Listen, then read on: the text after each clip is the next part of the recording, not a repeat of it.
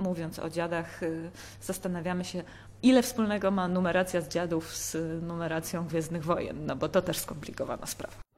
Zamieniam się w słuch. Rozmowa Martyny Niecińskiej. Zaprasza kulturałpodstaw.pl Pani Katarzyna Wojtaszak, kuratorka wystawy Kanon Lektur Nieczytanych, czytanych, nieczytanych, y, którą możemy oglądać do połowy września w Galerii Atanazego w Bibliotece Raczyńskich w Poznaniu. Dzień dobry. Dzień dobry. Z jaką lekturą Pani się męczyła najbardziej w czasie edukacji szkolnej?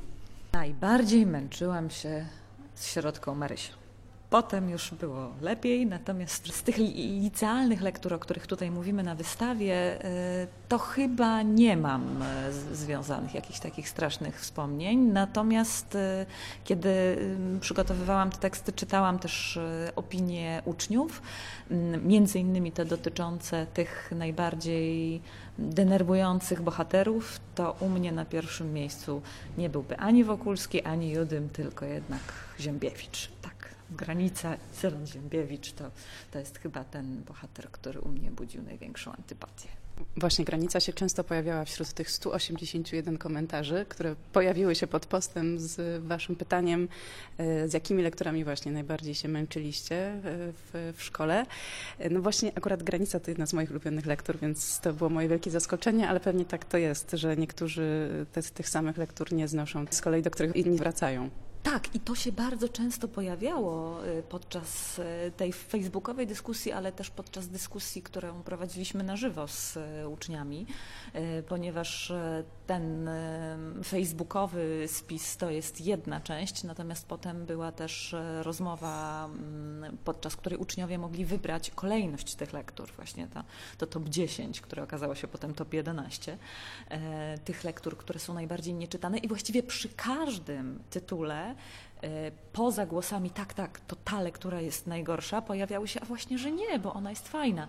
E, Lektura, która u nas wygrała, czyli Lalka, to jest ta, która miała najwięcej głosów dotyczących tego, że jest lekturą e, fatalną i trudną do przebrnięcia, ale jednocześnie bardzo wiele komentarzy dotyczyło tego, że właśnie Lalka jest lekturą fantastyczną, że świetnie się ją czytało, dla niektórych była ulubioną lekturą licealną i właściwie o której lekturze byśmy nie mówili, to miały one i swoich zwolenników, i przeciwników, więc y, tak jak wielokrotnie mówimy przy okazji tej wystawy, to jest wybór bardzo subiektywny i proszę go traktować z przymrużeniem oka, ponieważ nie dajemy sobie y, możliwości do tego, żeby uznać, które z tych dzieł jest rzeczywiście tą najbardziej dręczącą uczniów lekturą. Ale staracie się pokazywać, że do każdej lektury jest jakiś klucz i że każdą lekturę może nie od razu można polubić, ale przynajmniej jakby zrozumieć, dlaczego ona jest taka, a nie inna.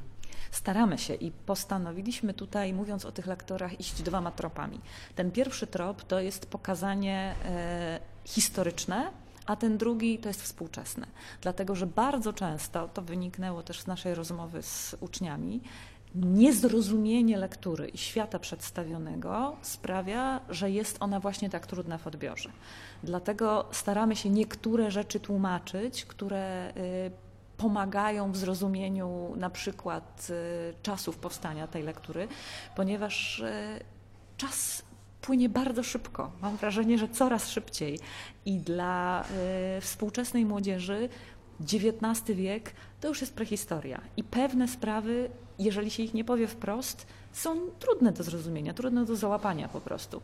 E, tym bardziej, że wiele z tych faktów może też wpłynąć na nasz odbiór danej książki. Tak jest e, w przypadku chociażby e, Żaromskiego i ludzi bezdomnych. I my tutaj przypominamy jedną scenę, która, o ile możemy starać się tak ją interpretować, była w czasach Żaromskiego bardzo jasna i odczytywana zupełnie inaczej niż my ją dzisiaj czytamy.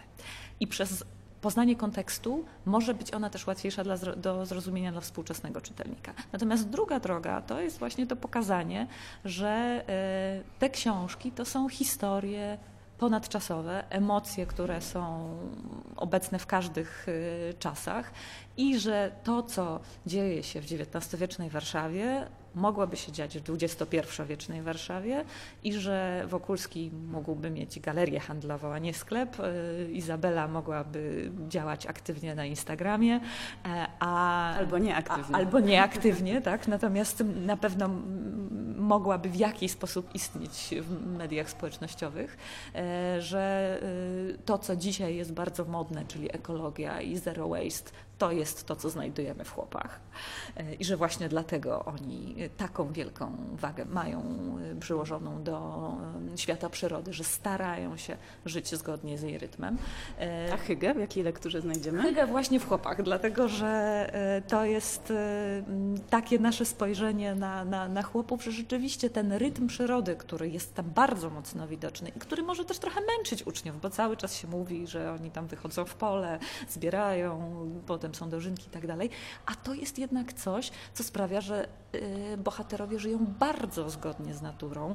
E, Zero waste i cała reszta e, tego, co wydaje nam się dzisiaj bardzo odkrywcze, tam się pojawia. Przecież właśnie dlatego na przednówku było tak trudno z gotowaniem i, i, i starano się wykorzystać jakieś y, pomysły na y, realizację dań, no takiej bieda kuchni, że po prostu nie było nic, nic nowego, nic dobrego, nic świeżego. Także, także y, staramy się spojrzeć na to też od tej strony, albo też y, trochę z przymrużeniem oka, na przykład e, mówiąc o dziadach, y, zastanawiamy się, ile wspólnego ma numeracja z dziadów z numeracją Gwiezdnych Wojen, no bo to też skomplikowana sprawa. Można też na tej wystawie trochę odreagować różne lekturowe traumy za sprawą memów, które zebraliście z całego internetu i tutaj albo może na ekranach się wyświetlają, albo są wydrukowane w gablotach. To też śmiesznie, memy w gablotach. E, Memy w gablotach wydrukowane, memy na takich interaktywnych tablicach i to są memy y, nie tyle z internetu, co memy, które stworzyli nasi uczniowie, dlatego że my zaprosiliśmy do współpracy przy tej wystawie uczniów z poznańskich liceów, e, którzy wysłali nam swoje prace inspirowane właśnie e, lekturami. I te memy, które tutaj mamy, to są oczywiście memy funkcjonujące w internecie, bo okazało się podczas przygotowań do tej wystawy, że lektury to jest temat rzeka, jeśli chodzi o memy i wszelkiego rodzaju działalności internetowe. I że tego jest całe mnóstwo, lepszych czy gorszych, ale e, te memy też zainspirowały właśnie uczniów do tego, żeby spojrzeć na tę lekturę od trochę innej strony, e, a że tutaj świat ten internetowy reaguje na lekturę błyskawicznie, to mieliśmy tego dowód, y, kiedy pojawiły się pierwsze zdjęcia z Netflixowego Wiedźmina i od razu następnego dnia y, ten Wiedźmin pojawił się jako bohater krzyżaków, jako taka właśnie memowa przeróbka tego, że już krzyżacy są obsadzeni, a my wykorzystaliśmy ten mem dlatego, że właśnie zastanawialiśmy się, kto dzisiaj z gwiazdorów Hollywood mógłby grać w ekranizacji hollywoodzkiej superprodukcji u Sienkiewicza. E, Dla tych wszystkich, którzy nie dotrą na wystawę, może byśmy przeczytały credo, które tutaj zamieściliście na jednej z pierwszych plansz e, dla nauczyciela i dla ucznia. Bardzo cenne, krótkie, trafne wskazówki, jak oswoić lekturę. To warto wspomnieć, że to są też wskazówki, których udzielali nam zarówno nauczyciele, jak i młodzież. Także do nauczycieli kierujemy takie propozycje, aby dali uczniom czas na zapoznanie się z lekturą, bo to się bardzo często pojawiało, że dwa tygodnie na przeczytanie lalki to jest stanowczo za mało. Aby wskazywali uczniom, na co podczas czytania mają zwrócić szczególną uwagę aby zwrócili uwagę na kontekst i czas, w którym dzieje się akcja powieści i wyjaśnili, jakie czynniki historyczne i społeczne wymuszały na bohaterach konkretne postawy, aby zastanowili się, jak z uczniami oczywiście, jak bohater mógłby zachować się dzisiaj, kim by, mógłby być, e, a także aby e, pomyśleli z uczniami, w jaki sposób e, ta lektura może być interesująca dla współczesnych czytelników i czy postawa któregoś z tych literackich bohaterów może być dla współczesnej młodzieży inspirująca. Natomiast do uczniów kierujemy takie proste komunikaty, aby nie czytali lektur na ostatnią chwilę, aby nie przejmowali się opiniami innych. To jest, mam wrażenie, taka najważniejsza nasza wskazówka, aby myśleli samodzielnie, aby przeczytali te lektury po to, aby mieć o nich własne zdanie.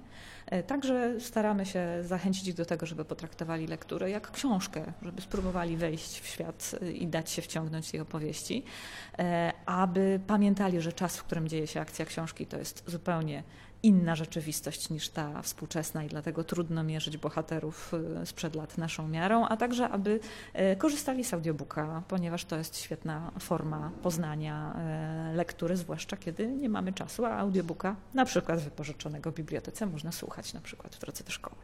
I zapraszamy na spotkanie 11 września tutaj w Galerii Atanazego z udziałem nauczycieli i uczniów. Będzie mowa właśnie o tym, Jak przerabiać lektury? Dlatego, że my w szkoły przerabiamy, a chcielibyśmy też e, zachęcić do tego, żeby je trochę przerabiać w inny sposób. Naszymi gośćmi będą poznańscy poloniści, pani Katarzyna Kierończyk i pan Grzegorz Kotłowski, e, którzy są doceniani przez swoich uczniów, których uczniowie czytają lektury, więc zapytamy, jak oni to robią i zapytamy też, co sądzą o tym kanonie lektur i jakie są ich sposoby na to, żeby lektury były dla uczniów cały czas po prostu interesującymi powieściami. wstęp wolny. Wstęp wolny, zapraszamy. Mamy nadzieję, że to będzie spotkanie, podczas którego nie tylko nasi goście zabiorą głos, ale także publiczność. Katarzyna Wojtaszak, bardzo dziękuję za rozmowę. Dziękuję.